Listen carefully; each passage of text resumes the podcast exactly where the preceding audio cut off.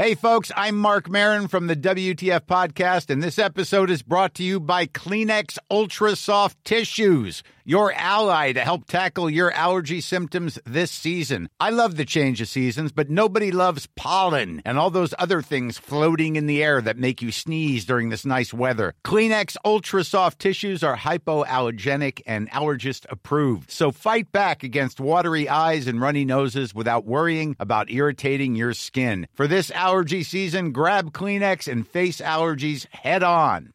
Hey, I'm Ryan Reynolds. At Mint Mobile, we like to do the opposite of what Big Wireless does. They charge you a lot, we charge you a little. So naturally, when they announced they'd be raising their prices due to inflation, we decided to deflate our prices due to not hating you.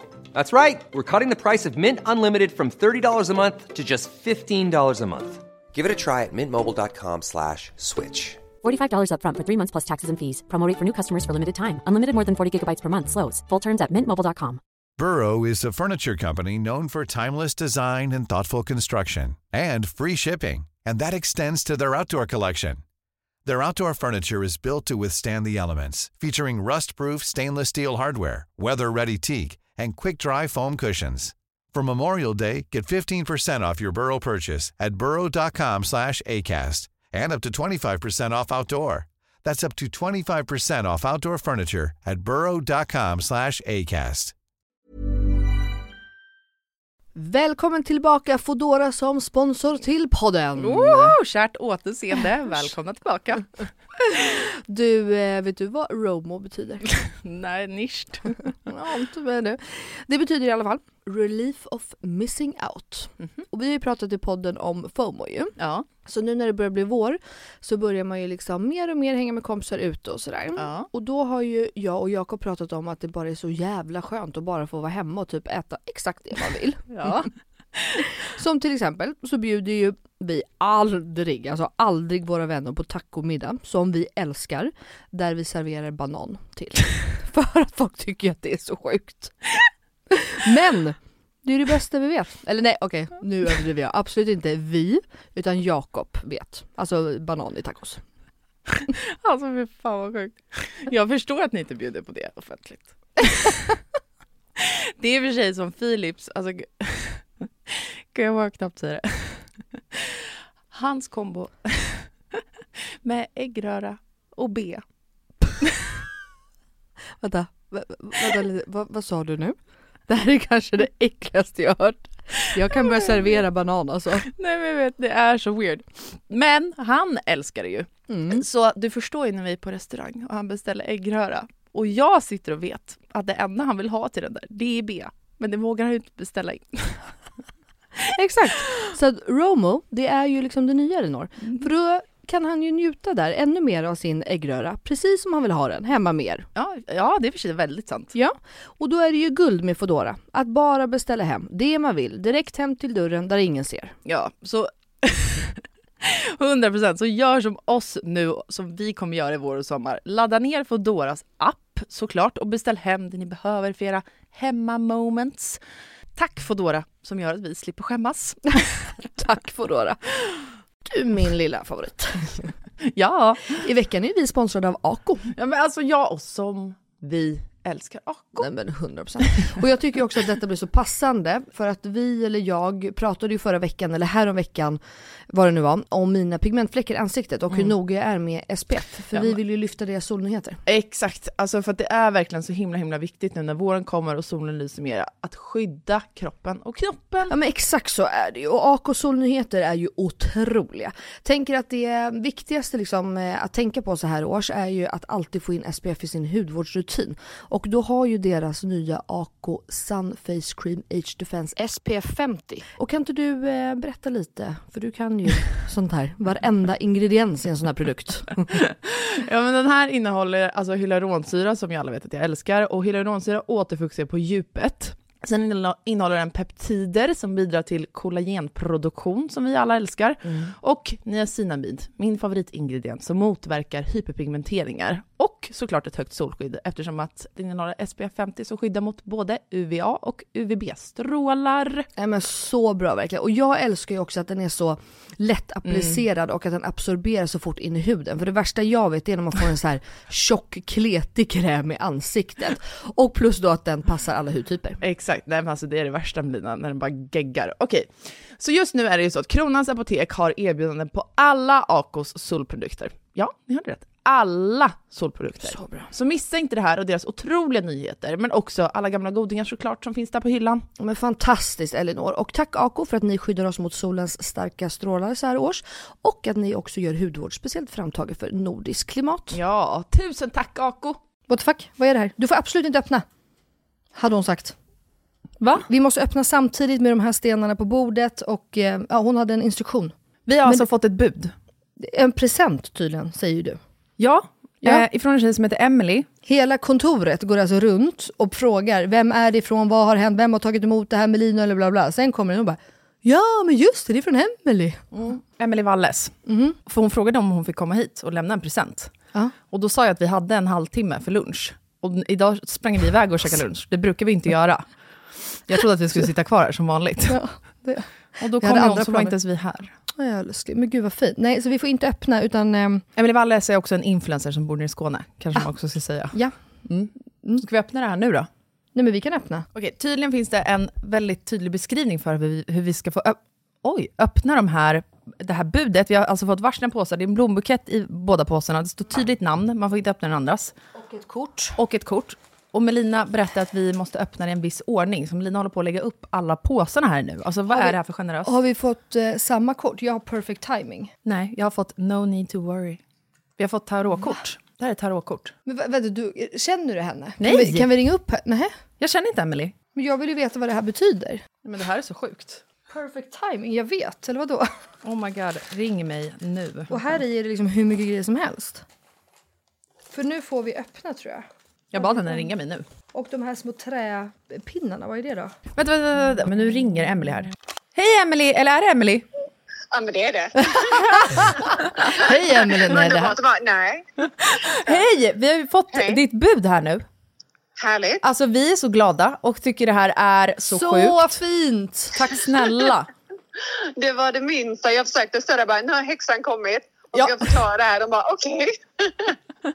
Men alltså vi är ju i chock över de här änglakorten och betydelsen som stod i dem.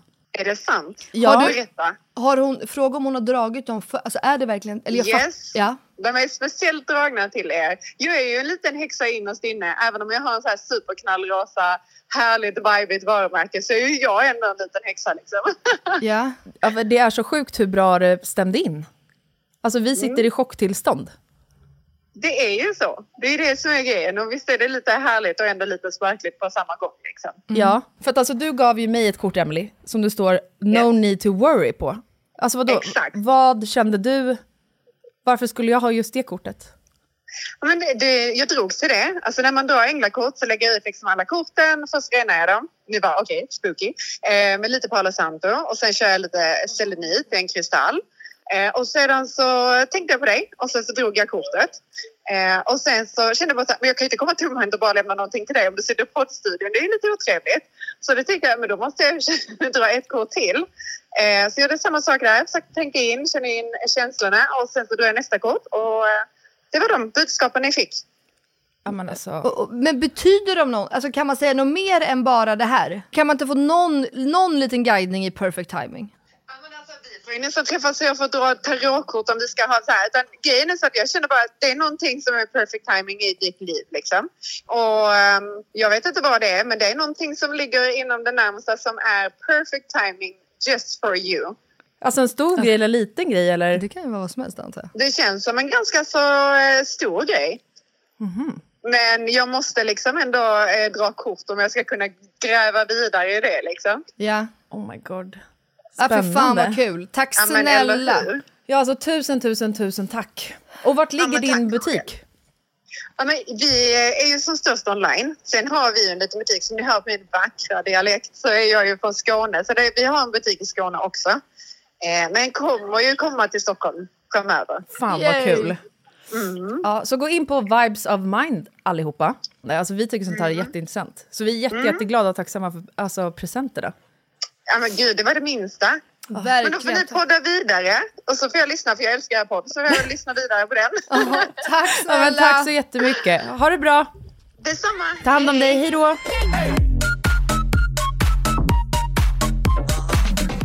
Okej, we're back. Och det är inte bara vi som är back i studion. Nej. Utan vi har den snygga, sexiga singeln med oss igen. Han klipper oss. Han Viktor. klipper oss. Han klipper oss. Det är jätteroligt. Del två med eh, Vicky Picke. Fick Ja. du, nu fick du smeknamn också. Vicky Picke, den är väldigt ny. Jag har aldrig hört det förut. Nej, Ja, det kan jag tänka jag mig. har du. faktiskt ett ex som heter Viktor som jag kallade Vicky Picke. Det har jättekonstigt. Alltså så här, jag och Melina har ju varit väldigt dåliga på att när vi känner att vi älskar en gäst och en vibe vi har haft, så säger vi, speciellt när vi stänger av mickarna, alltså, du måste komma tillbaka, du måste komma Ja. tillbaka. Den här gången känner vi, nej, nu, du måste komma tillbaka på riktigt Viktor. Mm. Så vi är alla tillbaka i studion igen. Ja, Det blir till avsnitt, Det ingen är till. gladare än oss för det. del två. Mm. A.k.a. Vad, vad var du nu då? Den misslyckade resan nummer två. Exakt, så säger vi. Misslyckade resa nummer två. För när Viktor gästade förra gången, för er som inte har ly- lyssnat på det avsnittet, så handlade det om att du Viktor eh, blev fängslad nere i Israel. Mm. eh, fast du inte hade gjort någonting. Oskyldigt fängslad, säger man så? Jaha. Mm. Det gör man ju. I guess. Och då kom vi in på att du också har fastnat i Indien, Ja, när du har rest dit. jag har ju otrolig otur när jag reser utomlands, så nu stannar jag liksom i Sverige numera. ja, det kanske, det kanske är mest safe. Verkligen. Men ja, så vi ska gå igenom det. Och ni lyssnar på Inga Beige morsor med mig Melina Kriborn. Mig, Lena Löfgren. Och mig, Viktor Ganguli.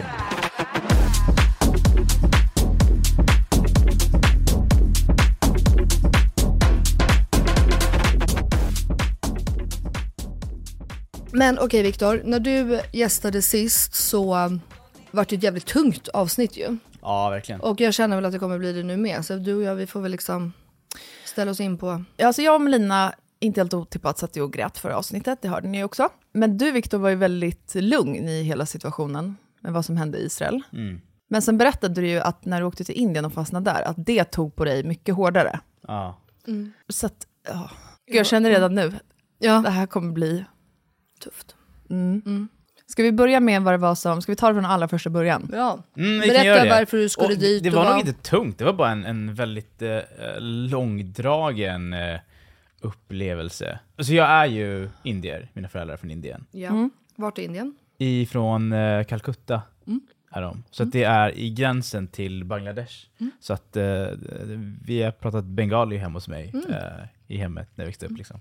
Och eh, jag och eh, min bror har alltid hatat med hela våra hjärtan att åka till Indien varje sommar. Liksom. Varför? Alltså det, det är verkligen, när man är van med Sverige och mina föräldrar var ganska fattiga, liksom. Eh, eller växte upp väldigt fattigt. Och eh, så här, för mig att åka till Indien, det är så här fastrar och moster som nyper en i kinden och så kolla på när man äter maten som vi inte... Så här, det, är mycket, det, är mycket, det var mycket det när vi växte upp. Ja. Eh, och bara så här, så fort vi satte oss i bilen på väg till Arlanda, vi bara ah, jag vill ju bara komma hem. Och då har vi inte ens åkt än liksom. Och får jag fråga, Mm. hur kommer det sig att dina föräldrar är här? Eller när flyttade de hit? Eller är du född i Sverige? Ja, exakt, Ja, mm. exakt. Så att eh, pappa bodde i Iran i ganska många år, typ Mm. tio år innan han flyttade till Sverige. Okej. Och eh, han flydde till Sverige under eh, revolutionen i, i Iran. Kom till Sverige, fick eh, ett eh, uppehållstillstånd, eh, men han var här själv då. Okej. Sen så eh, åkte han tillbaka till Indien och skulle hitta någon att eh, gifta sig med. Liksom. Mm. Så hittade min mamma eh, på en eh, tidningsannons. Är det sant? Ja. Va? Sjukt.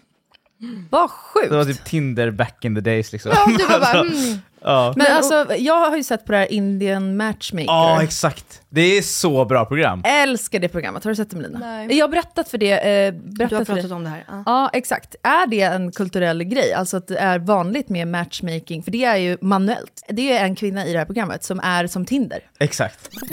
In India, the marriages they are between two families. So the parents guide their children, and that is the work of a matchmaker. The clients they want everything. Someone charming? equal to my pay or higher. Adjustment is also important. You have to be attracted to the person and the person has to be good. I don't think that it's a lot to ask for. I'm really close to my mom. and I wholeheartedly trust her judgment. If he doesn't finalize, me and my husband are going to finalize the girl for him. Hon har ju massa permar och folie eh, med hur många olika män och kvinnor som helst, som sitter och matchar ihop dem på vad hon tror blir... Hon är lite psykolog i allting också. Ja, exakt. Och lite till och med häxa. Alltså, Ja. kollar på parets Ah, horoskop ja, och just det. det. ska matcha. Det, det är väldigt många variabler man behöver räkna in, så att det är en hel industri i Indien. Att så här, Mm. matchmaka rätt par och att eh, där gifter sig två familjer med varandra också. Ja, så det är att så det är ju nästan, eh, alltså det är ju lika viktigt att eh, föräldrarna också är med i hela den här processen. Liksom. Mm. Det har ju blivit lite mer modernare, alltså paret som faktiskt ska gifta sig är kanske lite mer involverade nu än vad de var förut. Mm. Alltså mamma och pappa träffades på bröllopet liksom. Oh, Vänta, wow. vänta, han läste tidningsannonsen och bara, hon låter väldigt intressant. Hur ses man sen när man gifter sig? Hade de, de måste ju ha pratat innan? Nej. Han träffade mammas pappa då, då som eh, är den som godkänner honom eller inte. Liksom. Ja. Och eh, han fick tummen upp, och eh, så gifte de sig. Och sen flyttade hon till Sverige. Vilken Men- jävla love story. Ja, verkligen. Och hur var det här för din mamma då? Hur, gammal, hur gamla var de? Pappa kanske var någonstans runt 40, och mamma Jaha. var någonstans runt 29-30. Mhm. Ja. Så att eh, båda var ganska gamla. Alltså mamma Ja. också utifrån att man, i Indien var det ju Ja, vanligt för att man gifte sig tidigare. Mm, så. mm. Eh, men hon hade gjort så här, hon, hon jobbade i armén i Indien eh, som uh, sjuksköterska. Coolt. Alltså, wow. Ja. Känns som att allt du säger, i förra avsnittet också, sitter jag bara wow. Ja, Alltså, nej, ja, men det är så. 100 procent. Ja. Ja, det är verkligen så. Inget som du berättar om är förutsäg... Alltså jag kan inte förutspå vad du ska svara, jag älskar det. Ja, vad roligt. Ja. Ja. Men okej, och sen kom hon till Sverige och de lever fortfarande Tillsammans. Ja. lyckliga. Och, ja, otroligt. Ja. Otroligt. Och sen för att komma tillbaka till dina resor med familjen när du var liten och åkte till Indien, som du då inte uppskattade så mycket. Mm. Klipp till, vad händer Ja, sen? just det, det var det, ja, just det, okej. Mm. Ja men så här, vi, vi, vi åkte till Indien så eh, ofta vi, vi kunde liksom. En till två gånger per år. Men eh, alltså hatade det. Alltså verkligen, det- alltså, så här, det, det var eh, fattigt och, och ibland var det liksom, ni vet sådana här toalettsitser i, i marken liksom. Mm. Och det är lite obehagligt att ställa sig där liksom. Men så var det, och eh, fick en ganska skev relation med vår egen kultur. Det har också varit det här att eh, när man växer upp i något typ av mellanförskap, då det enda man vill vara är ju svensk. Liksom. Mm. Och eh, får en väldigt skev bild av liksom, allt det här fina som också finns. Så när, när jag faktiskt är vuxen nu så kände jag att amen, jag vill bilda min egen relation med det och eh, göra en resa själv. För jag, jag har ett medborgarskap Ja. som, som man Mm. får då om man är andra generationen som föds utanför Indien. Så vi kunde vara där på obestämd tid, så jag flyttade till eh, Mumbai. Som också den här uh, Mm. matchmaking-serien utspelar sig liksom. Mm. Och eh, hoppade direkt in i medieindustrin där. Det var så sjukt för att eh, man träffade ju många av de här Bollywood-skådespelarna som man växte upp med att titta på liksom. Mycket Mm. av deras barn och sådär. Så han hamnade i den smeten. Men jag åkte dit och, och jobbade inom media där. Och, jag vet inte om man kallar det för influencer marketing, för att det, är riktigt, det finns inte riktigt influencers där, men mer, de är ju filmkändisar. Mer. Ja. Mm. Och flyttade till min eh, moster, eh, hem till hennes eh, och hennes fam- familj. Och eh, ja, men skulle jobba där ett tag. Och det här var tid. 2019? För det var Nej, innan, var det 2020 in- måste det vara, innan typ. pandemin? Ja, det var innan pandemin. Eller okej, hur länge var du där innan? Planen var att jag skulle vara där ett tag, alltså Mm. typ ett år tänkte jag. Mhm. Men eh, det här var tre månader innan eh, pandemin. Ja men då var det 2019 då. Slutet Ja. på 2019. Ja. Pandemin kom väl typ februari-mars 2020 eller? Januari till och med, februari. Jag skulle ju på honeymoon. Just det, och jag var Jag ju i minns verkligen vart Sydafrika. man var någonstans. Eller var jag inte alls, jag var i Tanzania när det här kom. Ja, det var ju där på, det kom väl till Sverige, jag vet inte, mars? Februari? Februari, Februari tror jag. Februari. Mm. Mm. Okej. Okej, så du är där, jobbar mediebyrå. Ja, jobbar i mediebyrå, tycker det är skitkul. Ja. Eh, De, de hade precis byggt ett Soho House i, i Mumbai. Ja. Ah, nice. Och det, det var som en fristad, allt Ja. var så himla härligt där och alla satt och jobbade där och man visste aldrig vem som skulle komma in och det var liksom där man spenderade vardagen liksom. Och sen var det typ en och en halv timme för att ta sig dit. Och geografiskt var det inte jättelångt men trafiken i Indien är Ja just det, Kaos, den är kaos alltså. va? Ja, man skulle lika gärna kunna gått liksom. Ehm, men sen så har jag hunnit bygga upp ett litet gäng personer där som har ganska lik bakgrund som jag då, som har flyttat dit, som har föräldrar som kommer därifrån men har flyttat dit själva liksom. Och Sen så börjar de här nyheterna komma om coronaviruset. In central China, a man has died following an outbreak of an unknown pneumonia-like virus. Now to growing concerns about the deadly coronavirus. Welcome back. Let's turn to the other big story tonight. The first confirmed case of coronavirus. Ja, igår så bekräftades eh, då sammanlagt har vi nu sju nya fall av coronasmitta i Sverige totalt. Jag och det gänget, ehm, vi pratar ihop oss och så här. ska vi åka hem eller ska vi inte åka hem?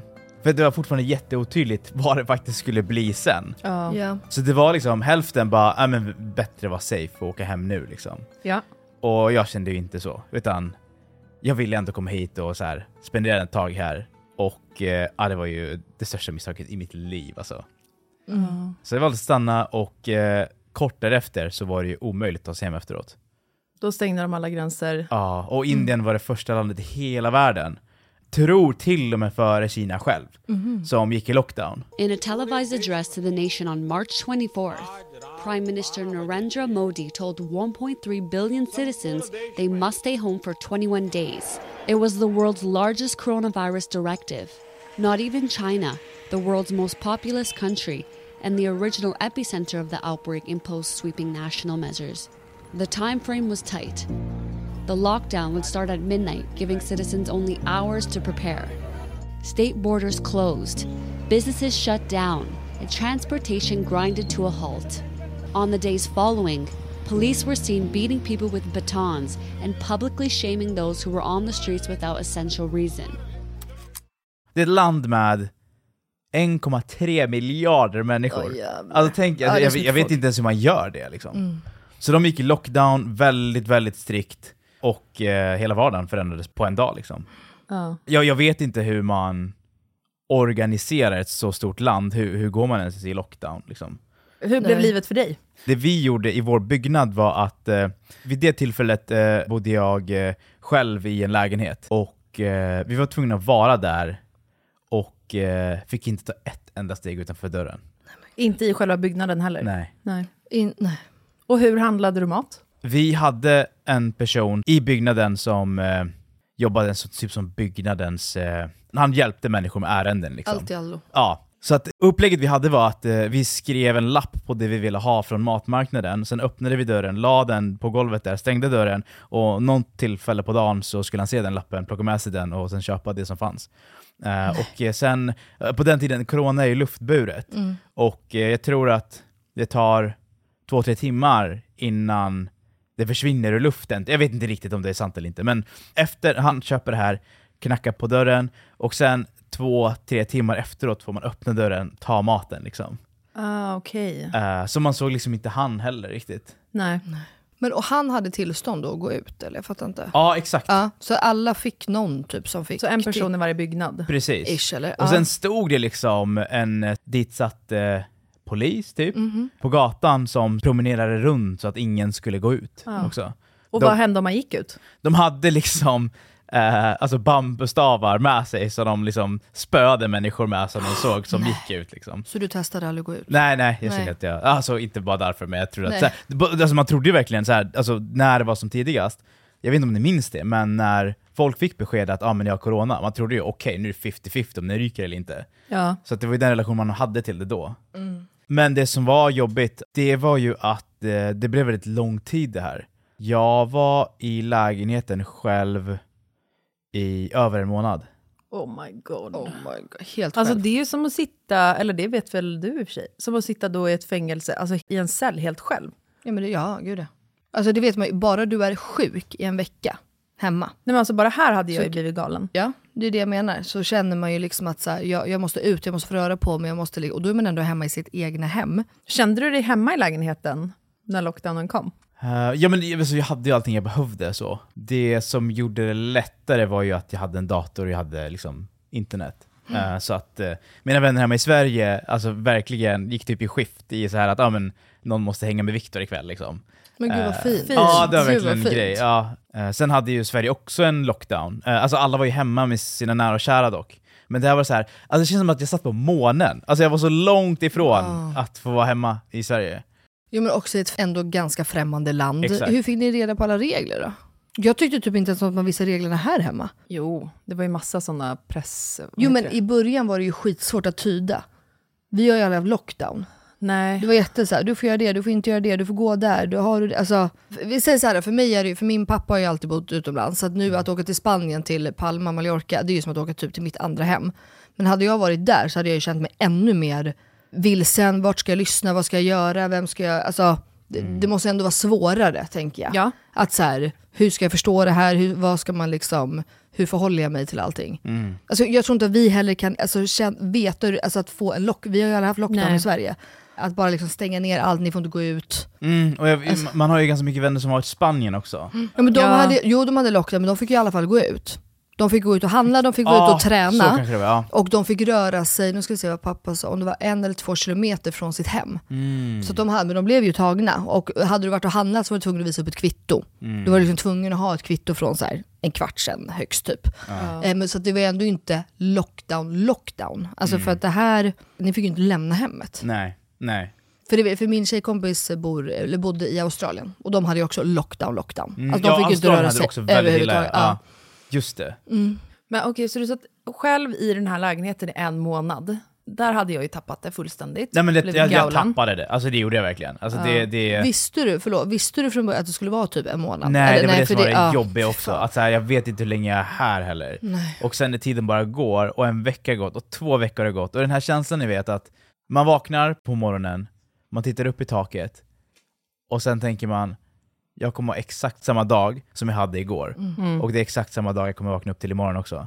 Men ditt jobb då var ju, vad exakt jobbade du med med alla filmstjärnor och tv-personligheter? Jag tänker, kunde du fortsätta jobba eller behövde jobbet pausa där också för det inte fanns någonting att arbeta kring och runt och skriva om? Det, det var mycket som behövde pausas, men jag hade ändå, redan då klippte jag ju också poddar. Liksom. Mm. Både några svenska och några Indien. Liksom. Så att det kunde ju fortsätta, men min rädsla var att, alltså tänk om internetuppkopplingen försvinner. Åh, Gud. Då hade jag lika Förstår ni vad beroende månen. man är av el och wifi Ja. egentligen? Och vad hände efter den här månaden? Fick du gå Ehm, ut då? Så, så anledningen jag tog upp det här förra avsnittet var för att, eh, eh, på tal om hur eh, Sverige hanterar krissituationer Mm. när det kommer till svenskar utomlands. Och eh, jag har sett ganska många sådana. Jag vet att eh, Sverige hanterade tsunamin i Thailand så fruktansvärt dåligt. Mm. Alltså det var så många länder som släppte allt för att plocka hem sina medborgare. Och eh, jag vet inte varför, men Sverige gör inte det. Just tsunamin i Thailand var, var en, en av de sämsta sakerna Sverige någonsin har gjort Mm. när det kommer till svenskar utomlands. Fler och fler svenskar upptäcker nu att den tilltro de haft till svenska statens möjligheter att hjälpa medborgare i nöd utomlands är starkt överdriven. Expressen publicerar en artikel på nätet där förtvivlade svenskar försökt låna pengar till mat och kläder av UD-personal på plats i Thailand. Som svar har flera svenskar fått höra att låneansökan först måste behandlas hemma i Stockholm och går den sen igenom väntar en ränta på 10 För det är så sjukt, jag har ju bara läst medierapporteringen om, alltså efter tsunamin. Och det var ju liksom en stor grej här i Sverige. Mm. Då blir det också så här, ja just det, det är klart att bara för att det blir publikt här och man skriver mycket om det och många engagerar sig och kungen håller ett tal och allt det här, så behöver inte det betyda att man per automatik skickar hjälp till de som faktiskt behöver det. Nej, precis. Gud, nej, och det var ju därför jag frågade i förra avsnittet, att så här, i media så blir det ju väldigt upphaussat när någonting händer svenskar, Mm. men gör man faktiskt någonting åt det? Mm. Och jag vet att det, för på den tiden så bodde pappa i Thailand. Och var med om tsunamin. Under ju. tsunamin? Ja. Okej. Eh, så, att, eh, han var, så att han ägde ju hotell då på den tiden. Eh, de rensade liksom hela undervåningen på hotellet och gjorde skola. Alltså för då både svenska barn men också thailändska barn och alltså så, för att all, allting försvann ju. Och då vet jag att han sa det, att jag är så jävla förbannad på svenska att vi inte får mer hjälp. Mm. För det var ju jättemånga svenskar i sig som var där, som valde att förlänga sin resa och stanna och hjälpa till och volontära Ja. och bara du vet. Vi kommer dit för att få hjälp Eh, med att skaffa nya pass.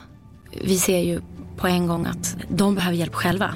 De var ju så underbemannade och slet ju som djur där för att få det att funka. Så det var ju också volontärer som fick gå in, alltså personer, vanliga privatpersoner som fick gå in och hjälpa till. Så vi satt ju och hjälptes åt att utfärda pass. Det råder stor förvirring. Övriga länder har sina officiella mottagningar i City Hall. Där finns också thailändska myndigheter. Därför tar sig många svenskar dit i tron att även Sveriges officiellt utsända finns där. Volontärinsatsen är ofta storartad men också ostrukturerad. Vi visste ju ingenting om säkerhet i sån, kring sån information eller vad, vad det skulle utfärdas för pass och dokument och sådana saker. Men vi fick ju tillgång till allt sånt material och, och, och satt ju och jobbade med det helt enkelt en dag. När vi trodde att vi skulle själva få hjälp att få pass så, så hjälpte vi andra att göra pass istället. Jag vet att Jakobs mamma, eh, för Jakob var där, jag vet att Jakobs mamma hon åkte till flygplatsen och bara, du så här, försökte lotsa folk och hjälpa till och det, så, ordna upp. Men jag vet att eh, pappa sa det, att det var jättemånga som var fast hur länge som helst och det, alla har ju inte råd att bo på hotell då i två veckor till eller du vet vad det kan vara. Så att det Men var ju gud, liksom... Då ska ehm, man leta efter typ familjemedlemmar. Ja, exakt så. För man Och vet ju många privatpersoner som åkte dit, eller Mm. organisationer från Sverige som åkte dit. Mm. Alltså privatägda, som Ja. bara försökte göra allt för att hjälpa till. Mm. Men ingen liksom som effektivt då liksom bara försöker få hem folk liksom. Mm. Typ. Mm, jag vet att det var en läkare som var där nere och det var ju kaos. Alltså Mm. det var totalt kaos. Mm. Och han liksom bad regeringen att eh, skicka ner mer människor. Mm. Och de bara, men vi ser inte att det behövs. Liksom. Mm. Fast Nej. han bara, jag är ju här, det är katastrof. Mm. Alltså vi Mm. behöver mer människor. Anders Lindberg ringer därför till Stockholms läns landsting och ber dem skicka alla sjuksköterskor de kan hitta med planet som går samma kväll, onsdagen den 29 december. Och då fick jag bara höra det att jaha, men det behövs inte. Eh, nej, varför behövs inte det då? Ja, vi anser inte att det behövs här. Vi har inga indikationer på det. Ja, men jag står ju här. Jag är i Phuket, jag är i Thailand. Ursäkta mig, men jag är på andra sidan jordklotet. Där det har hänt. Och jag meddelar er att det här är vad som behövs. Jag insåg att de, de hade ingen koll på läget. Men kort därpå får Anders Lindberg order om att åka hem så snart han kan. Trots att han fortfarande är den enda svenska läkaren på plats. Och då gick luften ur lite grann får jag väl säga. Det, då, då tappade jag tron på allt vad jag hade här hemma. Det var ju, jag var ju i princip släppt. Man hade tagit sin hand ifrån mig. Det är också en sån här grej som man liksom inte, nu hamnar vi på villospår här, men bara som, som pappa sa, att han gick där på stränderna, du vet, och, eller bara på gatorna och du vet, det var bara lik överallt. Fy fan. Alltså det går ju, Bara, det vet, går, det- alltså, alltså- jag, det, alltså att ta in, det är så, alltså Mm. att föreställa, alltså det är så och nu med allt som jävla händer i världen och allt som vi pratade om i förra avsnittet också. Ja, alltså, nej, men jag, det- jag, alltså, det är så, jag kan typ inte ens ta in det. På riktigt ta in det, fattar ni vad jag menar? Nej men det är det jag menar, alltså, intelligensmässigt så kan man förstå det. Mm. För att man förstår Exakt. det, man är inte dum i huvudet. Fast man kan inte förstå det. Förstår ni vad jag menar? Alltså, det, det, liksom, det går inte att sätta alltså, det går inte att föreställa sig vad det är som verkligen händer liksom. Men då försökte du ringa hem och få hjälp att komma ifrån Indien och tillbaka till Sverige. Ja, exakt. Och eh, vi följde ju varann, vi som blev strandsatta i Indien, och eh, det är också roligt. Alltså man, man känner sig, jag är en internationell medborgare, eller så här, ja, det spelar ingen roll var jag bor, men när shit goes down, då, då vet man verkligen vart man kommer ifrån Mm. och bara vill hem. Men det var fler och fler som fick åka hem, alltså Tyskland och Frankrike, och liksom alla liksom lyckades komma hem en efter en, men vi svenskar var så himla ja, men strandsatta där borta. Liksom. Och eh, det slutade med att Får jag bara fråga, vem ringer man? Vem ringde du? Eller vad, vart, vart Är det svenska ambassaden då också? Ja, eller? det är svenska ambassaden Ja, det- också. ja. Ja. och de var ju hjälpsamma i att de hela tiden höll informerade och sådär. Men, men återigen, agera terapeuter. Liksom. Mm. Eh, mer än att de faktiskt kan vara handlingskraftiga och göra någonting. Men eh, vi alla svenskar, vi hittar varandra på de här Facebookgrupperna och eh, jag, eh, jag jobbar ju liksom med medieproduktion och sånt där, så jag bad alla att eh, filma en liten video på sig själva, där vi liksom alla säger att eh, vi har varit fast här så himla länge nu och eh, vill bara komma hem liksom. My name is Maria Roxelius. My name is Victor Ganguly. My name is Sara Vuorivirta. My name is Anna Berggren. My name is Therese Anselmsson. I'm Martina. And I'm Yuki. I'm a Swedish citizen. I'm a Swedish citizen. I'm a Swedish citizen. I'm a Swedish citizen. I'm a Swedish citizen. I'm a Swedish citizen, and we're trapped here in India. Please, uh, I think there's a lot of people here as well. Please help us to come back home to Sweden. Please help me to get home. Help us to get our way home. Please help me to get home. Please help us to get back home. I want to go home. Please help me come home. We would really like to come home. Och så, så här, gjorde jag en video av det här och spred på sociala medier, så blev det en liten grej liksom. Mhm. Ehm, Fan vad bra. Ja, verkligen. Oavsett om det hjälpte eller inte så är det ju bara skönt att känna att man gör någonting liksom.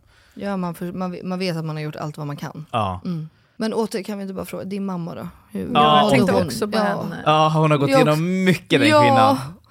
Eh, Vad kände hon då? Hon måste ju bara vilja få hem dig. ja, ja, så var det ju igen. Ja, lilla mamma. Ja, Ska mamma mamsi. gästa podden? Så Ja, känner jag. ja. Va? Vad heter din mamma? Uh, Shemita heter hon. Shemita. Komsi. Ja. Vi vill ha dig här. Ja, hon kommer lyssna på det här. Så att, eh, Ja, såklart. ja. Hej Ehm, mamma. Ja, hej. Vilken jävla supermamma du Ja, är. va- alltså verkligen. Ja, hon är bäst. Nej men så, så, så att vi, ah, tiden gick så jävla långsamt och man bara gjorde ingenting till slut och bara försökte sova genom hela alla dagar liksom. Och vet inte när man får komma hem. Men eh, sen till sist så fick vi ett besked om att eh, det kanske fanns en chans att vi skulle kunna få komma hem. Så att eh, ambassadören hade skrivit under eh, ett papper typ som eh, jag skrev ut hemma som gav mig tillstånd att passera militärpolisen som Mm. sattes in för att eh, ja, Ja, se till att gatorna var tomma. alla- Mm. Så, så min eh, mosters man fick också tillstånd att eh, gå hemifrån. Så han hämtade mig med Ja, sin bil. kör. Liksom. Ja för det var det jag tänkte, du kan ju inte ringa en taxi antar jag. Nej, exakt. Alltså, exakt. Så det behövde man styra upp också. Så min, min, min mosters man fick också tillåtelse att passera. Jag hämtade upp mig i en bil och Tyskland hade, skulle chartra ett plan för att hämta upp tyskarna. Och vi kanske kan komma på det planet. Men de är inte säkra. Så det var väldigt löst så. Men vi åkte i alla fall och det var så sjukt att åka igenom Mumbai och inte se en människa. Ja. Mm. Jag bara, vart är alla Mm. 1,3 miljarder människor? Och bara, det var bara tomma gator. Så när du hade åkt till ambassaden, visste du då att du skulle komma på planet? Eller var de fortfarande så här, här är tillstånd att åka med om det blir en plats ledig? Exakt så. Mm. Exakt så. Så du Okej. hade packat ditt pick och pack och hoppades på det bästa? Exakt. Men du visste fortfarande inte? Nej. Vilket jävla psykbryt att behöva åka tillbaka. Ja, det var faktiskt väldigt, väldigt jobbigt. Alltså, det var ett hotell minns jag. Mm. Vi stod i kö för att skriva på alla våra uppgifter och vem vi är och vart vi ska och allt möjligt liksom. Och eh, sen så spenderade vi hela natten på det hotellet och eh, sov på, i lobbyn eh, och väntade på besked. Hur många var ni? Det var säkert 100 pers där och kanske var många. 20 av oss var svenskar. Okej, kanske, något sånt tjugo, där. ja, mm. Så det var vissa som garanterat skulle få komma på, och Mm. sen var det vi som en annan kvot där då. Och eh, sen så kommer det ut en tant och eh, vi får liksom ställa oss i kö igen och eh, se om vi får godkänt eller inte. Och man, man, de säger inte det, utan man ser den här stämpeln liksom. Oh, wow. Eh, Ni men- visste inte vad de gick på? Nej, ingen aning. Men sen slutade det med att ja, men vi alla blev godkända, så att det var, det var bara den processen de hade liksom. Mm. Och vi blev så jävla glada. Men gud, varför kan man inte bara säga då? Ni alla, ni alla kommer komma hem. Alltså, ingen aning. Och det här med kommunikation pratar jag och Elinor ofta om. Varför kan man inte bara säga, ni kommer komma hem allihopa, nu ska ni bara få en grön stämpel på era papper typ. Exakt. Ja. Alltså, ja. Vi tog oss till flygplatsen efter det, satte oss på planet och planet skulle till Delhi först och sen skulle det till Frankfurt och sen skulle det till eh, Schweiz och sen till Sverige. Så det var en lång resa som Oh, skulle ta wow. två dagar liksom. Vi började åka till Delhi och där samma dag åkte vi till Frankfurt och det var en, eh, alltså just eh, flygresan från eh, Delhi till Frankfurt, alltså det var så mycket stressade familjer. Mm. Alla var så sjukt stressade och rädda och det är pandemi och det är corona och Mm. de ska få åka hem, komma hem äntligen. Så det var så himla hetsig stämning och vi hade inga platser heller. Så att så här, vem vet, så här, någon kanske inte får plats och sådär. Mm. Eh, så det var otroligt hetsigt. Så du fick Eh, inför varje gång du skulle gå på- planet igen, visste du inte heller om du skulle få plats på det planet? Jag tror inte jag var orolig för det, men jag tror att folk var generellt oroade. Ja, ifall att. Ja, men jag kan Eh, tänka mig att många blev desperata också. Ja. gud ja. Och personalen har inte jättebra Va? koll heller på vad som händer. Alla, alla hanterar ju kris olika tänker jag. Så att, alltså, vissa blir stressade, vissa blir lugna, vissa och har sina barn med. Och så vill man sitta ihop och så är man rädd att bli smittad. Vad händer om man blir smittad? För det är som du säger, man, alltså, man var ju väldigt... Eh, man visste ju inte så mycket i början. Alltså, Och just när man har barn, en helt annan sak också. Ja, och sen kan jag tänka mig att det blir något så här, i den här desperationen, alla vill hem, alla har samma liksom, mål som du säger Melina, också det här med smittorisken och allting. Att man också säkert, jag kan tänka mig att folk i de här köerna när ni ska på planen börjar själva, antingen om man säger det väl bara utåt liksom, eller att man för sig själv börjar tänka så här, okej men vem av oss ska få komma på planet? Vem är vi? Jag har barn så därför är det viktigt att jag kommer med, eller? Mm. 100%. Och sen kom vi fram till Frankfurt och det var också en sån här otrolig sjuk... Så här, flygplatsen var helt nedstängd. Liksom. Lamporna var nedstängda, det fanns ingen personal alls på flygplatsen. Värmen var avstängd, det fanns ingen mat, inget godis. Godisautomaterna var helt tomma, inget papp- toapapper heller. Det var iskallt också. Så folk hittade sina hörn här och där att eh, sova över natten liksom. Mm. Eh, på sina kläder. Och så hade man de här maskerna på sig. Det var så apokalyptiskt. Alltså, Mhm. är det det här världen är nu? Alltså Ja. efter pandemin. Jag förstår i och för sig verkligen att du inte kunde liksom, slappna av och bli lättad först du verkligen var hemma hemma. Ja, verkligen. Ja. Spände natten där, sen var det Schweiz och- och sen kom vi hem. hämtade mamma dig då? Jag kom till Stockholm då, Mm. eh, till min lägenhet. Ehm, Ja. Så åkte jag hem till ja, Borlänge där mina föräldrar eh, är lite senare än det. Liksom. Mm. Men eh, eh, jag bor eh, bredvid ett dagis och eh, det var en sån här sjuk känsla att så här, gå förbi dagiset och se barn igen och höra barn skratta. Och så här, det var så små grejer. Mina vänner, alltså första veckorna, tyckte det var så kul att kolla på mig, så för jag såg så fascinerad ut över allt som hände runt mig. ja. Gud vad Eh, gulligt. Ja, Men, och vad hände sen? Vad gjorde du med det sen? Var det sen liksom depression kom? Och, du, Ja, alltså, exakt. och varför tror du att den kom då, efter? Ja, det slog Vad- till ordentligt ja, då. Vad var du tänkte då liksom? jag kunde inte vara själv, alltså det gick inte att vara själv längre. Nej. Så att jag var ju världens jobbigaste kompis och behövde alltid sova över hemma hos någon. Liksom. För jag kunde inte vara själv. Nej. När du var själv, vad kände du då? Alltså panikångestattack direkt. Liksom. Att, att, eh, så här, allt, det var verkligen som PTSD, att allt bara kom tillbaka. Mm. Och behövde verkligen hela tiden att någon var med mig. Alltså Mm. ett tag. Och vad var det som fick dig att komma ur dem? När ändrades det? Att du kunde börja vara själv? Vad var det som... Sökte du hjälp? Fick du... Nej, jag tror det bara var lite tid. Mm. Eh, bara så här, avvänja mig att så här, ja, men nu, nu är allt lugnt igen. Liksom. Ja. Men det var, det var jobbigt att vara själv ett tag. Liksom. Hur lång tid? Alltså säkert en månad eller två. Och hur känns det att prata om det nu? Vad det var som hände? Ehm, det är nog likadant med båda de här utomlandserfarenheterna. Att så här, trots att man genomgår saker och eh, kommer ut ur det så glömmer man fan mycket alltså. Ja, mycket. Det är så jävla man tråkigt. Man, det, hoppas ju ändå att man så här, ska bära med sig ett nytt perspektiv i livet, men sen så dyker upp någonting man blir irriterad på igen liksom, och allt blir så, så, så här, till ett normalt tillstånd. Det är skittråkigt, men det är så himla bra att påminna sig om att- alltså, Ja, ja, nej, jag håller med. Jag skrattar Nej, för jag bara hur- ser framför mig hur du nu stör dig på de här barnen på förskolan som låter bara, kan Ja, inte tysta? Ja, kan de vill sova liksom. Ja. Ja. men det, det var så barnaskratt och så himla härligt att höra igen liksom. Alltså Mm. det var verkligen så magiskt. Och de här, för du bär ju med dig ganska mycket och många erfarenheter efter båda de här händelserna ju. Vad känner du efter att vara fast i Indien i en lockdown? Vad gjorde det med dig? Jag tror liksom att pandemin var ju en prövande tid för många. Vi alla kan väl liksom känna att, alltså som man längtade efter att det skulle vara över Mm. och få liksom ett normalt liv igen. Mm, mm. Ja, Det kändes så overkligt när man liksom var i det. Mm. Vad var ni under pandemin? Hemma. Hemma. Mm. Jag var gravid. Vi- var du också gravid? Jag var gravid. Ja. Och det var, jag skulle ju precis åka på bröllopsresa eh, Mm. till Tokyo och till Bali. Ja, din egen? Mm, ja, Ah. exakt. Aha, det visste Ehm, inte jag. Jo. Och jag var ju gravid då med Cleo. Eh, och då vet jag att jag pratade med barnmorskan. För att, Vänta, jag bara, jag var gravid då. Det var jag absolut inte. Nej, det var William och Cleo är inte lika gamla. nej, nej jag, var, jag var gravid. Och då vet jag att jag pratade med eh, min barnmorska. Och hon, för det här var ju liksom innan det blev resor. För man fick fort, man visste inte vad det var. Och, ja, men du vet. och då var vi så här, nej men vi ska nog inte åka. Och det kanske inte är bra, eller vad är det? Och, det, och i början man var ju så här, vad fan jävla svininfluensa typ. Det kommer vara över om två veckor. Du vet, man, alltså man, man förstod ju liksom inte det stora i det. Och sen tog det typ bara en vecka, två veckor. Sen var det bara resor. För, alltså, det vart ju ingenting. Så allting bara avbokades ju. Fick ju inte tillbaka en krona. Alltså det var ju liksom... Nej, och då... Nej, så sen, sen har vi varit hemma. Ja. Alltså, men det var ju inte... Alltså vi har ju inte haft... Jag har ju, alltså... Det låter också hemskt att säga nu när du har haft det som nu, men vi hade det ju inte jobbigt. Mm. Det är klart att det var en omställning, ja, man fick inte gå på restaurang och man fick inte det. Och jag vet att många kompisar klagade extremt på det liksom. Medan jag var bara så här, men jag vet inte om det också är för att man hade kompisar runt om i världen. Så jag pratade liksom med Elin i Australien som inte hade lämnat hemmet.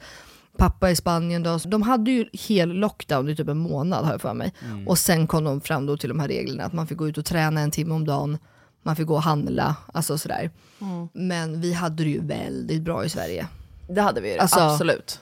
Men sen är det klart att till det är ju påfrestande, det är med. Man är ju en vanemänniska utan dess like. Och när man inte får göra det man är van vid och det man vill så blir man blir ju lite knäpp liksom. Ja. Jag tror att så här, när det kom upp med corona, precis när det kom upp så här, första artikeln typ i Sverige, då drog vi till Tanzania i två veckor eller vad det var. Så när vi var borta där, jag, Filip och massa kompisar, när vi skulle hem, då när vi började läsa internationella nyheter, typ, vi bara oj, det här börjar typ bli en grej nu Mm. med coronasituationen och viruset. Och då kommer jag ihåg att när vi mellanlandade på Abu Dhabis flygplats, då kommer ett flyg från Kina. Och vi går där i så här shorts, typ, alltså väldigt så här chillklädda. De kommer ut i ni vet, såna skal, det ser ut som att de ska in på operation. Typ. Ja. Alla såna vita och blåa dräkter. Ja. Och då fick alla vi så här, vänta, det här är ju typ for real. Ja, det, ja. Alltså det är på riktigt 400 personer som kommer ut från det här planet med såna här dräkter. De är Full verkligen livrädda. Och här går vi, va, vad håller vi, vi har inte ens munskydd typ. Nej. Och då började de med såna här febergrejer och sen kom vi hem och sen blev det typ reseförbud. Mm. Precis efter. Då måste ni ha varit borta precis innan liksom, vi skulle Ja. åka. Mm. För det, var liksom, det handlade om dagar för Ja, oss. exakt. Liksom. Ja, jag kommer ihåg att vi Men- var så jävla tacksamma för att vi hade kommit hem Mm. innan det blev liksom Ja, lockdown och jag hela tror, världen. Typ. jag tror att om jag inte hade varit gravid så hade vi då kanske åkt. Ja. Det tror jag. För jag blev gravid då För- blir det ett halvår senare. Ja. Och då kommer jag ihåg att jag var skiträdd. Bara för att man visste ju fortfarande inte hur det skulle påverka barnet i magen. Nej men man visste ju ingenting. Nej. Och jag vet också sen, alltså det som varit mest, jag jag är ju inte så orolig person heller. Men jag vet att jag tänkte mycket inför förlossning. Ja, exakt. Eh, För det var ju på vissa, vissa sjukhus eh, accepterade ju inte partnern med. Exakt. Ehm, och där var jag så här, alltså jag kommer inte genomgå min första förlossning ensam. Alltså jag, jag, jag gör det bara inte. Nej, jag jag vägrar. Ehm, det, är liksom, det ska vara jobbigt i sig. Alltså så här, jag, jag kan inte göra det här själv typ. Ehm, men då, jag födde på BB Stockholm och där var det alltid okej. Men man var ju tvungen att vara helt frisk. Alltså, Ja, de gjorde väl tester på er också när ni kom? För de på både mig och Filip. Jag De tog inte med ihåg. bakterie... Jo, men de Ja, gjorde men- coronatest och ja. sen tog de feber och massa annat. Just det. Ja. Så jag var livrädd också. Och sen var det ju, men då var, där var man ju också fast. Alltså, Jakob, man fick ju inte lämna, Jakob fick ju inte ens gå till Pressbyrån. Nej, Just precis. på sjukhus, alltså så här. Mm. Men vi hade ju så gött ändå, så det var ju liksom ingen, ingen fara. Men, eh, Nej, så, hade jag inte varit förlossningsrädd och så jävla rädd för att bli själv på förlossningen. För jag blev pissrädd där Ja. sista, ja, halva graviditeten typ. Mm, mm. Då var jag helt manisk med att Filip inte fick gå ut och bla bla bla. Mm, mm. Är det, alltså det är en sjuk pandemi vi har varit med om. Mm. Alltså en sjuk... liksom. Men det, alltså det är ju... eh, och Till och med det här, jag vet, jag vet att under pandemin så var jag verkligen så här. Kom ihåg nu Mellis, hur tråkigt det här är och hur skit det här är och hur bra vi har i normal, normala fall. Mm. Men som du säger Viktor, och nu går man här och bara, Ah, ja pandemin, vad, har vi, ja just det, det har varit corona ja. Alltså du vet att det är liksom, att man bara tar saker för givet och att man liksom bara lever på och glömmer bort. Men jag tror också när man var mitt i det så var det ju så sjukt mycket uppdateringar varje dag ju också om hur många som hade blivit smittade den dagen, Mm. hur många som hade dött den dagen, hur många som låg med syrgasmasken Mm. den dagen, hur fulla överbelastad sjukvården var. Alltså det är inte så på samma sätt nu heller. Nej, gud så är det ju.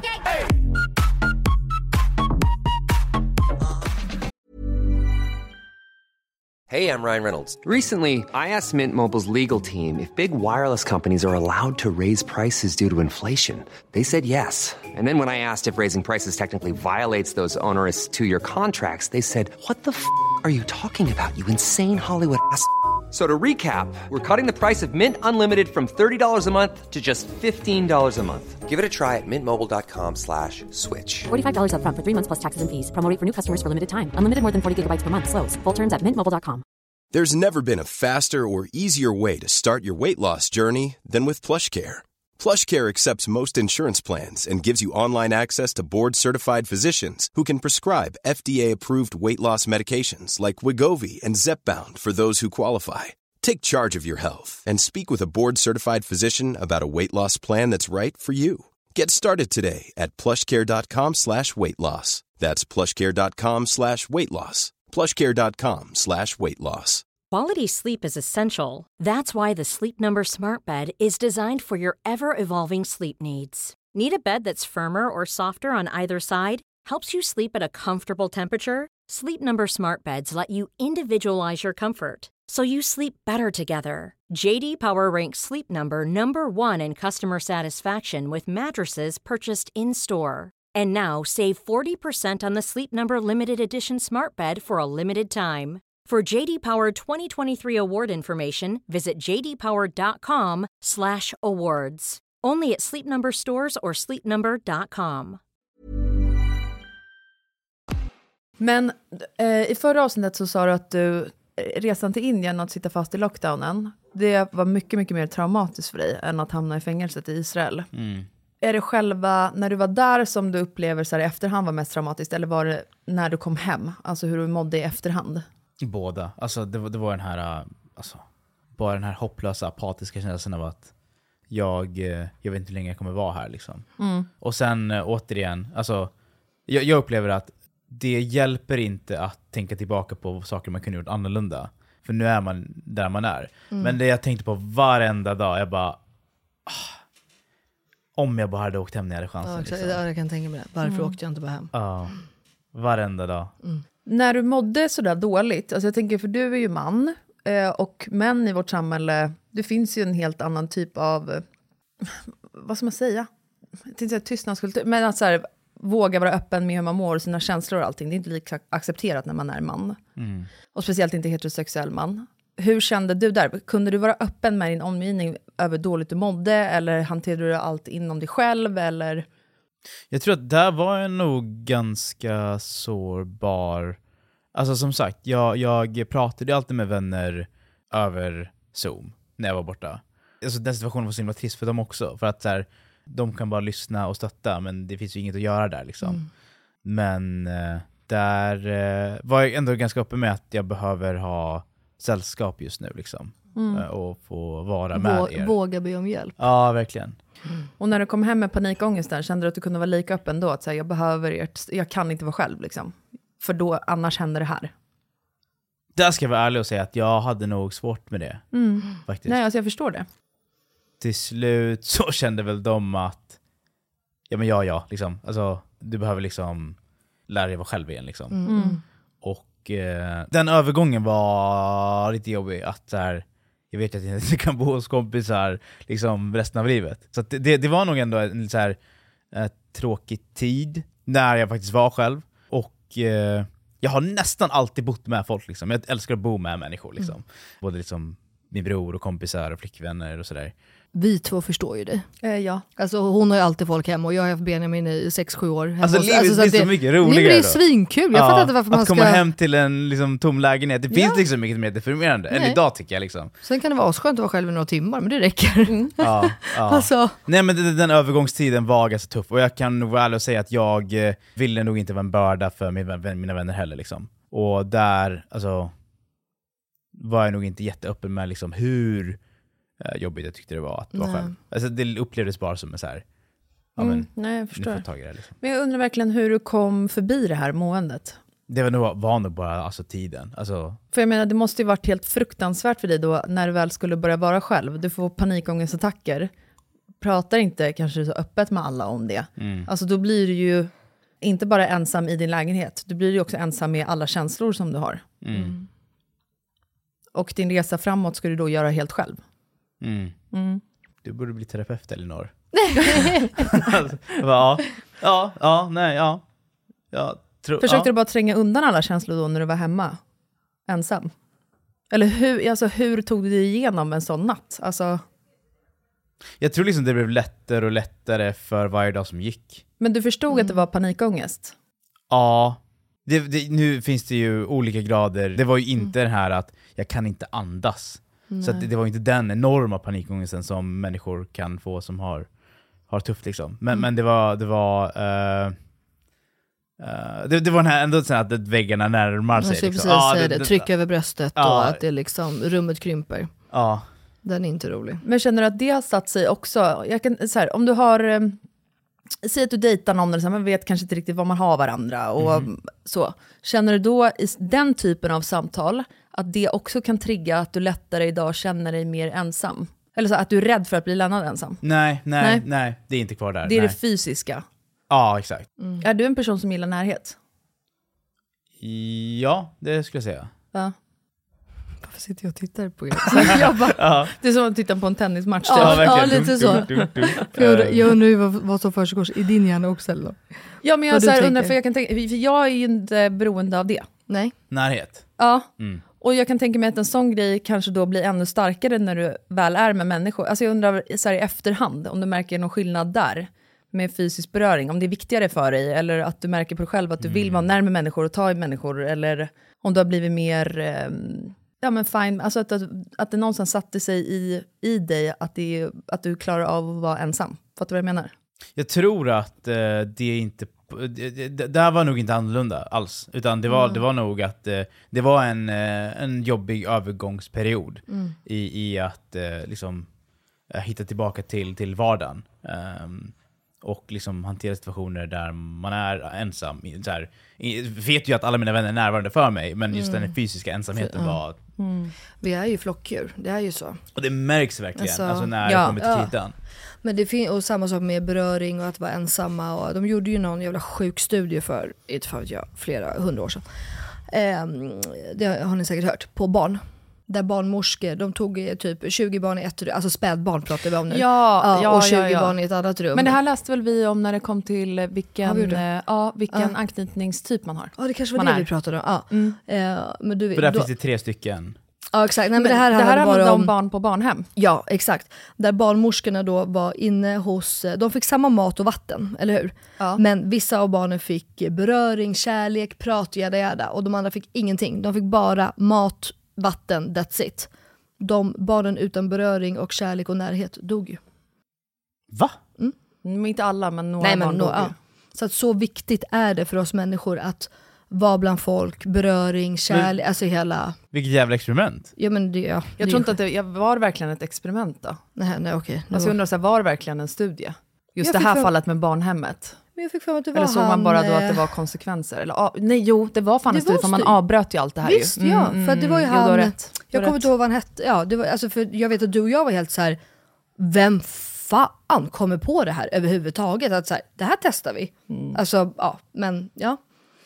Eh, så jag tror faktiskt att det var så, men jag vågar inte skriva det i sten. Men, Nej. eh, nej, men jag, jag tycker ändå att det, det är sån tydligt svar på hur beroende vi människor är av varann. Mm. Och varandras då värme, kärlek, beröring, hela den grejen liksom.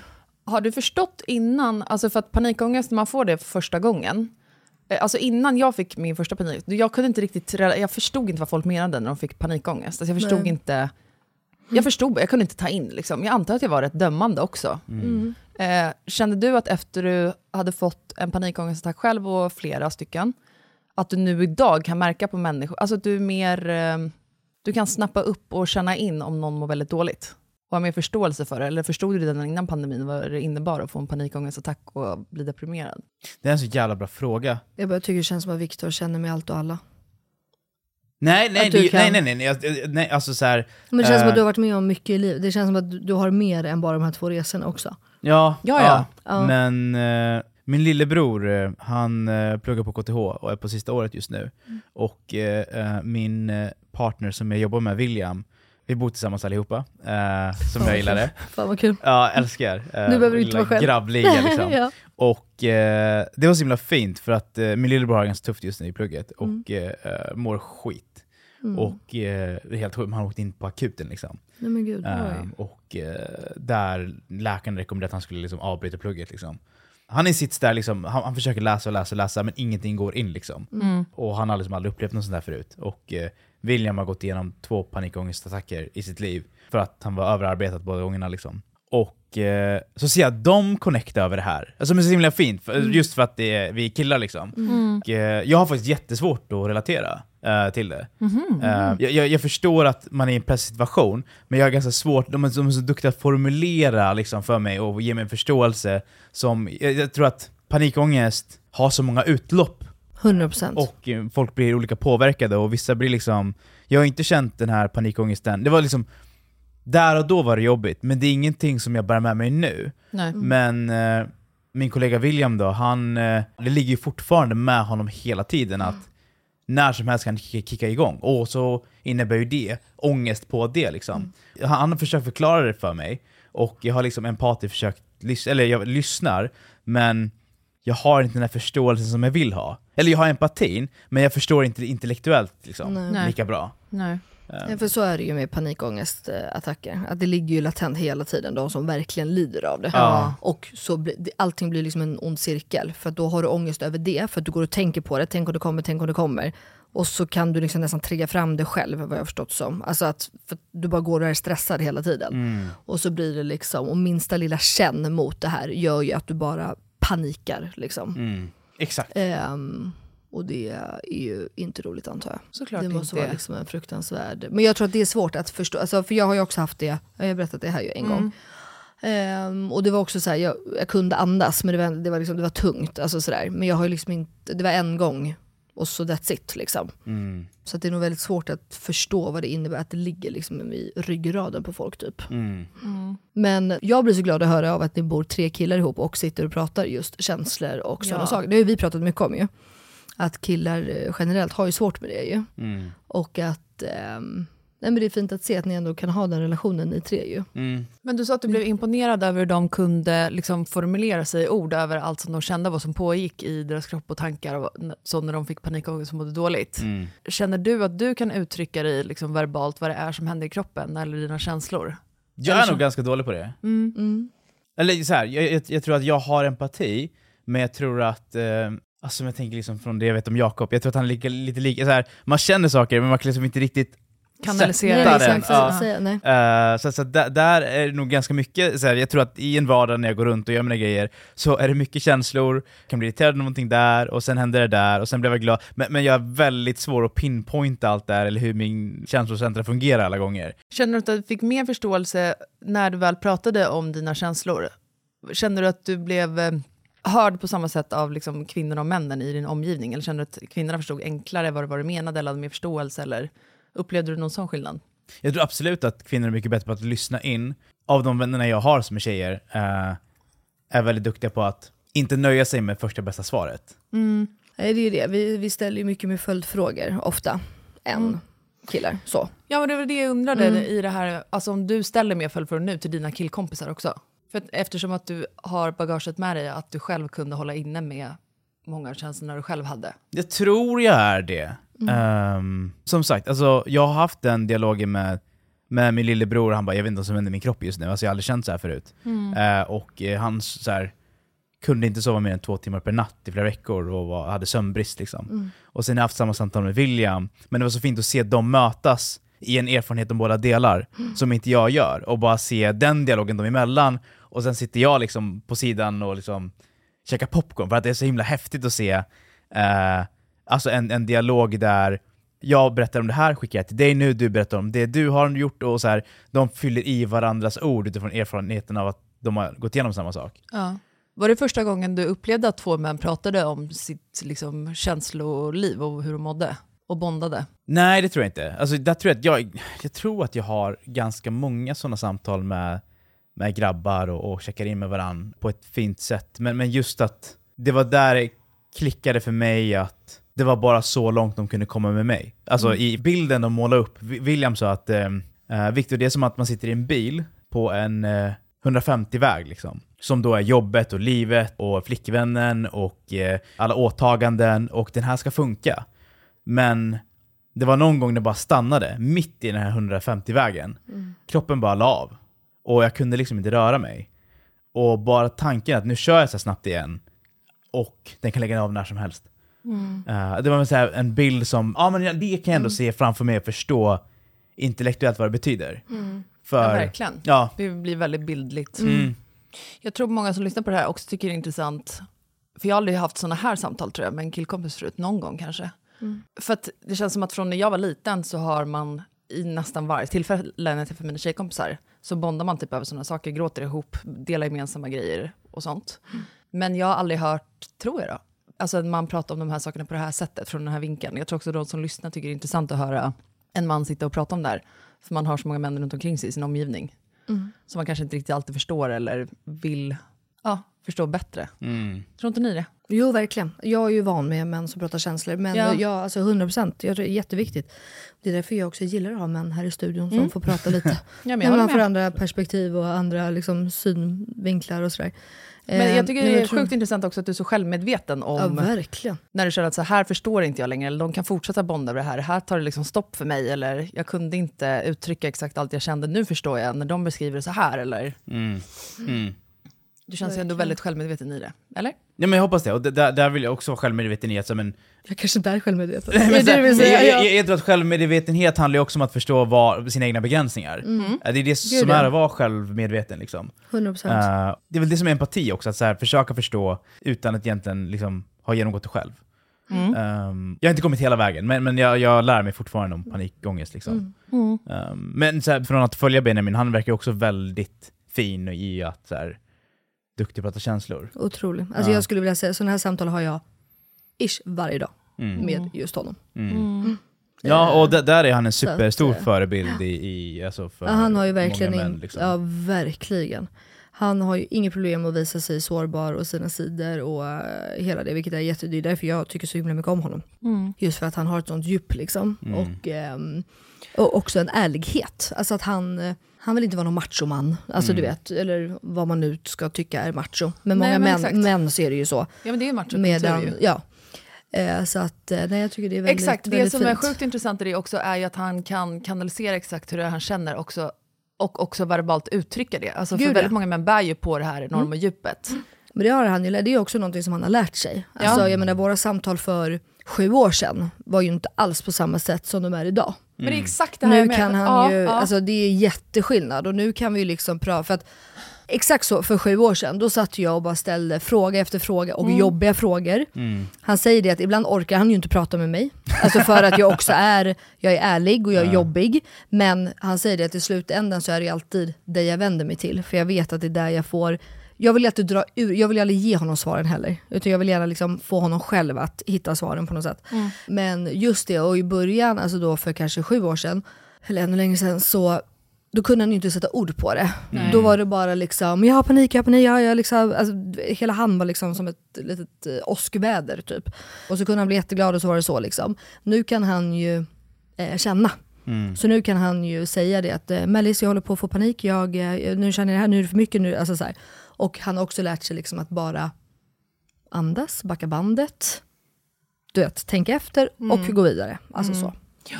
Och det är så mycket Ehm. lättare att kunna ha verktygen för att ta sig igenom en panikångestattack, och, eh, eller vad man nu än går igenom, om man verbalt kan uttrycka exakt vad det är man känner. Ja, det var det ja. jag menade, från att när han själv var liten och satt och pratade med sina tjejkompisar, det här med träning, att han har lärt sig efter bara på sju år Mm, jättemycket. mm.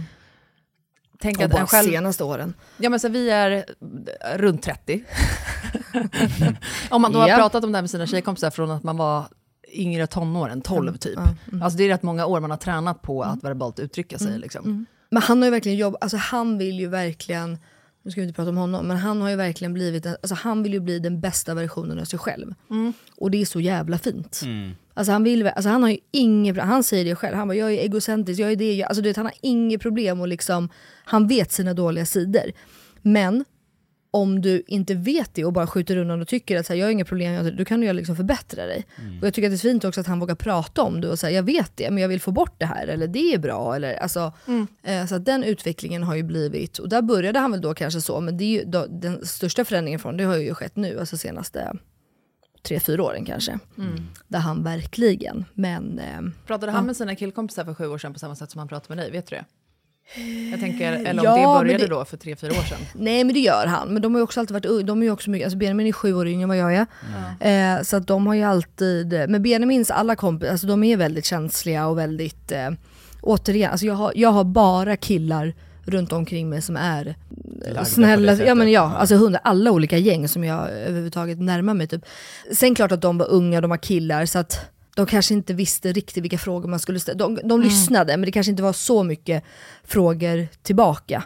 Ehm, så, så som kanske jag är. Mm. Sådär. Och sen är ju tjejer generellt och jag är ju också en väldigt så här. ehm, jag märker ju detaljer. Mm, mm. Alltså så jag kan ju Mm. se på, alltså jag, jag lägger Inkännande. Inkännande. Och att- mellan raderna. Ja, Mm. så att jag kan ju till och med gå till hans kompisar och bara du, eh, fan jag såg under middagen, du tog illa upp när den där sa det va? Alltså typ så. Mm. Ja, Eh, och det kanske inte de grabbarna gör på samma sätt. Men jag kan ju se på Benjamin direkt, men jag tror vi pratade om det någon gång, eh, när Benjamin hade ett eh, skitgig. Mm. Eh, och då är ändå, jag och Jakob är ändå hans bästa vänner, och vi båda, vi alla tre har ju liksom bott ihop. Ja, och han slutar och de står där och jublar och bara fan vad han var bra och du vet, jag bara, åh gud stackarn han mår så dåligt, han har haft ett pissgig. De bara va? Jag bara, nej men det, det ser, han, han har ju för fan panik, han har panik. Mm. Så var det massa folk där, nej nu vet jag, det var genrepet. Jag tror att jag Ah. berättade det på det. Ja, Eh, det var genrepet till hans eh, sommarturné. Ja, vi sitter där massa och kollar. Och sen så var det ju så mycket folk där och det var ju press och det var det och så, så jag ville liksom inte ta det med honom utan jag bara gick fram, kramade honom och sa ja, tack, tack, vi, vi hörs sen. Och sen när jag, alltså, när jag gick därifrån så sa jag bara att eh, du har kämpat så hårt för det här, du vill det här, försök att släppa allt annat. Njut, jada jada.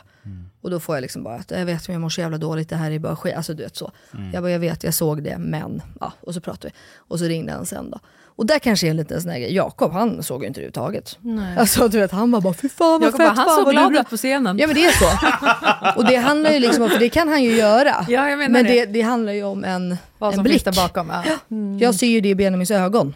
Alltså hur han liksom sådär är. Så jag tror att, och det handlar nog också om lite person, hur man är Ja, hur lyhörd själv kanske. också. Ja men jag tycker ändå att de känner man lika, ja jag vet inte. Men ja, exakt. En spännande grej är ju liksom att eh, ett tugg som eh, finns hos män är att eh, en man kan inte på riktigt ha tjejkompisar. Mhm. Har ni hört det? Aldrig. Aldrig hört det? Nej. Det är ganska vanligt att män tycker så. Alltså man Aha, kan om ha, typ, eller? Ja, det är Nej. så här, alltså, män kan inte ha tjejkompisar på riktigt. Nej. Nej. För att? För att det det kommer alltid finnas en underliggande energi där. Aha. Mm. Ja, okej. All of my friends are men. I don't have female friends. I don't. I'm I'm incapable of that. Why? Uh, uh, what do you mean? Well, because you know, come on. Because you have a wife. Well, I have a wife, and I don't. I don't really have female friends because you're an attractive woman. There's some guy somewhere saying, "Yeah, I'm. We're friends." No, that's not true. He's your friend only because you have made it absolutely clear that nothing else is happening except this friendship we have. We remain your friends in hopes that one day there'll be a crack in the door, a chink in the armor. And trust and believe that guy that you think is just your buddy, he will slide in that crack the moment he gets the opportunity. Because we're most guys. men think this way? Uh, 99.9% of us think that way. Och om man tittar på det, jag skulle gissa, nu vet inte jag det här, men jag tror majoriteten av män har inte tjejkompisar. Nej, det Nej, tror inte jag heller. nog. Nej, det har du nog rätt i. Det, är- alltså, Jakob hade ju när, när vi var yngre och gick i skolan. Mm. Men sen så fort man var typ tvungen att hålla kontakt, alltså när man var liksom aktivt tvungen att bevara sina vänner. Jakob har ju inte en enda tjejkompis kvar. Är det så? Alltså det är klart att han har tjejkompisar, alltså typ mina vänner, så men han har ju ingen liksom från förr. Nej. Max, min bror, nej alltså han har tjejkompisar men inte någon, alltså inte som kanske Benjamin har mig då. Om man säger. Ja, någon som Jakob träffar själv. Nej, eller som han liksom verkligen är med eller ringer eller Ja. ehm, så. Och om jag tänker generellt runt om så har du nog rätt. Det är nog väldigt få som verkligen har Mm. ja, tjejkompisar som man ringer och liksom snackar med. Och, alltså, och då pratar jag verkligen speciellt om straight män. Mm. Ja. Ja. Det är så synd. Jättesynd. För att jag tror att alltså, de relationerna ger en man så himla mycket. Mhm, Det tror jag också. Ehm, Alltså jag, Filip har ju väldigt många nära tjejkompisar som han träffar själv utan mig och som han ringer så Mm. pratar vi. blablabla. Och jag kommer ihåg i början att jag var liksom inte van vid det riktigt. Utan är det alla snubbar jag hade dejtat hade ingen nära tjejkompis. Mm. Alltså då var det typ, det hängde någonting i luften eller så här. Mm. Men sen så, var, så tog jag upp det, det bara kom på tal någon gång när jag satt med någon tjejkompis och pratade om det. här. Hon bara, men vet du vad? Vill du verkligen bli tillsammans med en snubbe som inte har tjejkompisar då? Mm. Nej, alltså för att det, det är de som tränar upp honom i allt det här med empatin, inkännandet, hur någon mår, hur han själv mår. Alltså Mm. kan han ens lokalisera sitt eget känsloregister Mm. om han inte har några tjejkompisar? Hur är hans killkompisar i så fall? Mm. Men högst troligt så är det en tjej som drar det lasset med honom. 100%. Och om han inte kan göra det i sig själv, hur fan ska han kunna göra det med dig då? Mm. Och då bara, ja, jo, det är för sig. Alltså jag har aldrig haft några problem med att han har tjejkompisar. Mm. Men det fick mig också att säga, ja, ah, that's true. Nej, Jag tror att man mår jättebra av att ha, jag tror att det är bra för tjejer också att ha killkompisar. Ja, ja, alltså ja, ja. där det inte, inte bara sin man som man ska behöva ta hand om och där, tjata på. alltså. där är jag som Jakob, där har jag blivit sämre. Mm. Alla mina bästa vänner när jag var liten var killkompisar. Alltså, men det är det jag tror, och jag tror att, jag vill inte ta men jag tror också att det handlar inte om alltså, tjejer, Jakob är dålig på sina relationer, alltså det är Ja, hans exakt. ADHD. Det är Alltså, han, här. jag kan inte säga att han har ADHD, förlåt. Hans eventuella Framtida. framtida ADHD. Han har ju svårt att hålla kontakt med alla. Ja. Mm. Alltså det är jag varenda dag som frågar. Har du ringt din mamma? Har du pratat Mm. med den? Har du kollat med den? Du vet att Benjamin inte mår så bra, ring honom. Du Mm. hörde att Bianca, hon lanserar det, du kanske ska säga grattis. Alltså, Mm. Jag håller ju koll på hans relationer också. Så att det har nog inte med, det var därför jag menade att så här, för han har ju inte jättemycket kontakt med, de är ett jättekillgäng. Alltså de är du vet så här, 25 grabbar. Han kanske har kontakt med fyra egentligen. Ja. Sen älskar han ju att träffa alla, så det är ju inte det. Men han, han får inte ihop det. Han kan inte hålla så många relationer. Liksom. Så det har nog egentligen inte riktigt med tjejerna att göra. Utan, men han hade nog mått bra av att ha... Johanna är ju bra för honom, hon är från, och Bianca. För de, de är ju liksom... de ifrågasätter ju och så här när de väl, men det är ju ingen som han direkt skulle ringa och bara du tjena, fan jag mår dåligt. Det hade för inte Jakob gjort med någon, men ja. Nej. Nej, alltså, men jag, jag tror- jag, jag- är ju som dig också, och som väldigt många andra kvinnor, man håller koll på till och med sin mans hela vänskapslista Ja. Nej, men och ju. vänbok och Facebook-sida och allt fan vad det Ja. är, släkting typ, vad Mm. den ska få i födelsedagspresent och dens barn har konfirmerats. Alltså man har 100%. stenkoll. Och så gör man mig själv också. Sen när det väl kommer till att ta upp telefonen Mm. och svara på ett sms, eller skriva ett sms, eller ta upp telefonen och svara när någon ringer, där fallerar det ju för mig. Mm. Ja exakt. 100, men det har ju det med din Ja, men så jag, jag hade egentligen gärna hellre då kanske varit någon som inte har koll på alla grejer som faktiskt händer. För nu går jag runt och har dåligt samvete hela Ja, jävla tiden. fattar, för att du inte, ja. Det slår mig också nu. Nej men så är det ju. Men det är ju, nej men jag, jag tror att man mår väldigt bra, det kan jag känna. Jag mår ju väldigt bra av alla mina relationer såklart, men det är jävligt fint att ha en bästa bästa killkompis. Det är Ja, det ju. det är det. Nej men det är fint, för man kan få andra perspektiv, man kan liksom fråga, alltså, jag vet Verkligen. inte. Man har ju alla sina väldigt olika saker. Och Mm. sen så är det ju, jag, jag tycker också att det är skillnad på att ha en nära killkompis kontra en Mm. väldigt nära tjejkompis. Ja men det är det. Okej, jag tycker att det här samtalet mynnade ut, vi har ju varit inne på många spår. Ja verkligen. Idag. Det, det var liksom Men det tillhör inte relationer och ovanligheterna. resor. Nej, Inte ovanligheterna. Viktor vet ju hur du lyssnar på oss som vi alltid. Vi har alltså spelat in i över två timmar nu. Ja. Det här kommer kortas ner. Det blir kortas ner. Ja. Det blir mitt Ja. jobb efteråt. Det- Exakt. Stackars dig. Lycka till. Inte nog med att du ska behöva prata och lyssna, du ska behöva lyssna om på det här och hålla på och bara... Och sen ska du få 15 sms av mig. Ja, Viktor, ja, ja. kan du klippa bort din egna röst där? Ja, exakt, den är lite skum. Fan, den gästen vi hade levererade inte lite lika bra där. Exakt. det är jag. Så objussig var han. Ja. Nu dog Men, Elin här eh, också. Elin dog, alla gått hem från kontoret på Acast, det är bara vi kvar. Mm. Eh, Men det vi Ja. vill säga i alla fall, tack snälla för att du kom hit idag också. Mm. Och tack för att du är en så fin person och delar med dig. Ja, Själva. Nej, alltså det är så så- mysigt att vara här. Så kul. bra. Va? Bra att du känner det. Ja. Verkligen, du får komma hit oftare. Är det en annan känsla att smsa med oss än att träffa oss så här? Men så, mig. det är roligt att vi... Jag svarar ju inte ens, så att obviously. Ja, okej. jag har ju pratat massor. Min relation med Melina är obefintlig när man inte är med henne liksom. Men, eh, men det som är så lustigt är att så här, vad är det här, tredje gången vi ses Mm. liksom. Mm. Ja, det kanske bara är Och det känns så märkligt för det känns så himla naturligt. Mm. Alltså- ja, verkligen. Ja, det- jag har alltså, inte ens reflekterat över det tre Nej, gånger. inte jag tänkte att vi heller. har setts massa gånger. Ja. Men eh, nej, för jag skulle säga så här, jag kan ju också förstå att du känner att du känner oss mer på det sättet. Ja, så är det ju Fast jag, verkligen. jag tycker exakt detsamma. Ja. Mm. Det känns som att du är en gammal kompis som man bara så här, ja du ska ju bara föra en ny story typ. Ja. Alltså, surret är bra. Ja. Surret är bra. Ja. Eh, men så kul, tack för att du lyssnar. Eh, tack för att vi peppar män för att öppna upp deras eh, känsloregister. Så känner jag med det här. Ja, jag hoppas det. Mm. Verkligen. Och du som lyssnar kan anstränga lite extra att eh, skaffa en vän eh, som är kille eller tjej. Mm. Ehm, Mm. ja, Kanske ber snubbe lyssna på det här. Verkligen. Och ställ frågor till varandra. Mm. Okej, ta hand om er allihopa. Vi Puss hörs igen på måndag. Ja, det gör puss, vi. Puss. Puss, hej. Puss och kram. Hej då!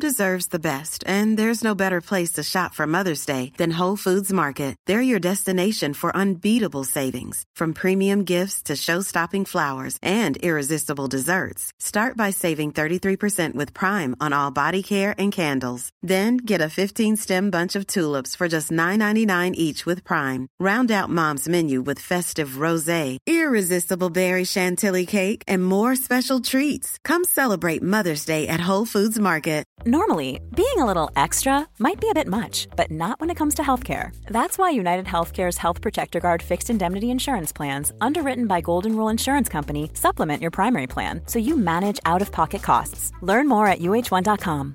Imagine the softest sheets you've ever felt. Now imagine them getting even softer over time. That's what you'll feel with Bowl and Branch's organic cotton sheets. In a recent customer survey, 96% replied that Bowl and Branch sheets get softer with every wash. Start getting your best night's sleep in these sheets that get softer and softer for years to come. Try their sheets with a 30-night guarantee. Plus, get 15% off your first order at bowlandbranch.com. Code BUTTERY. Exclusions apply. See site for details.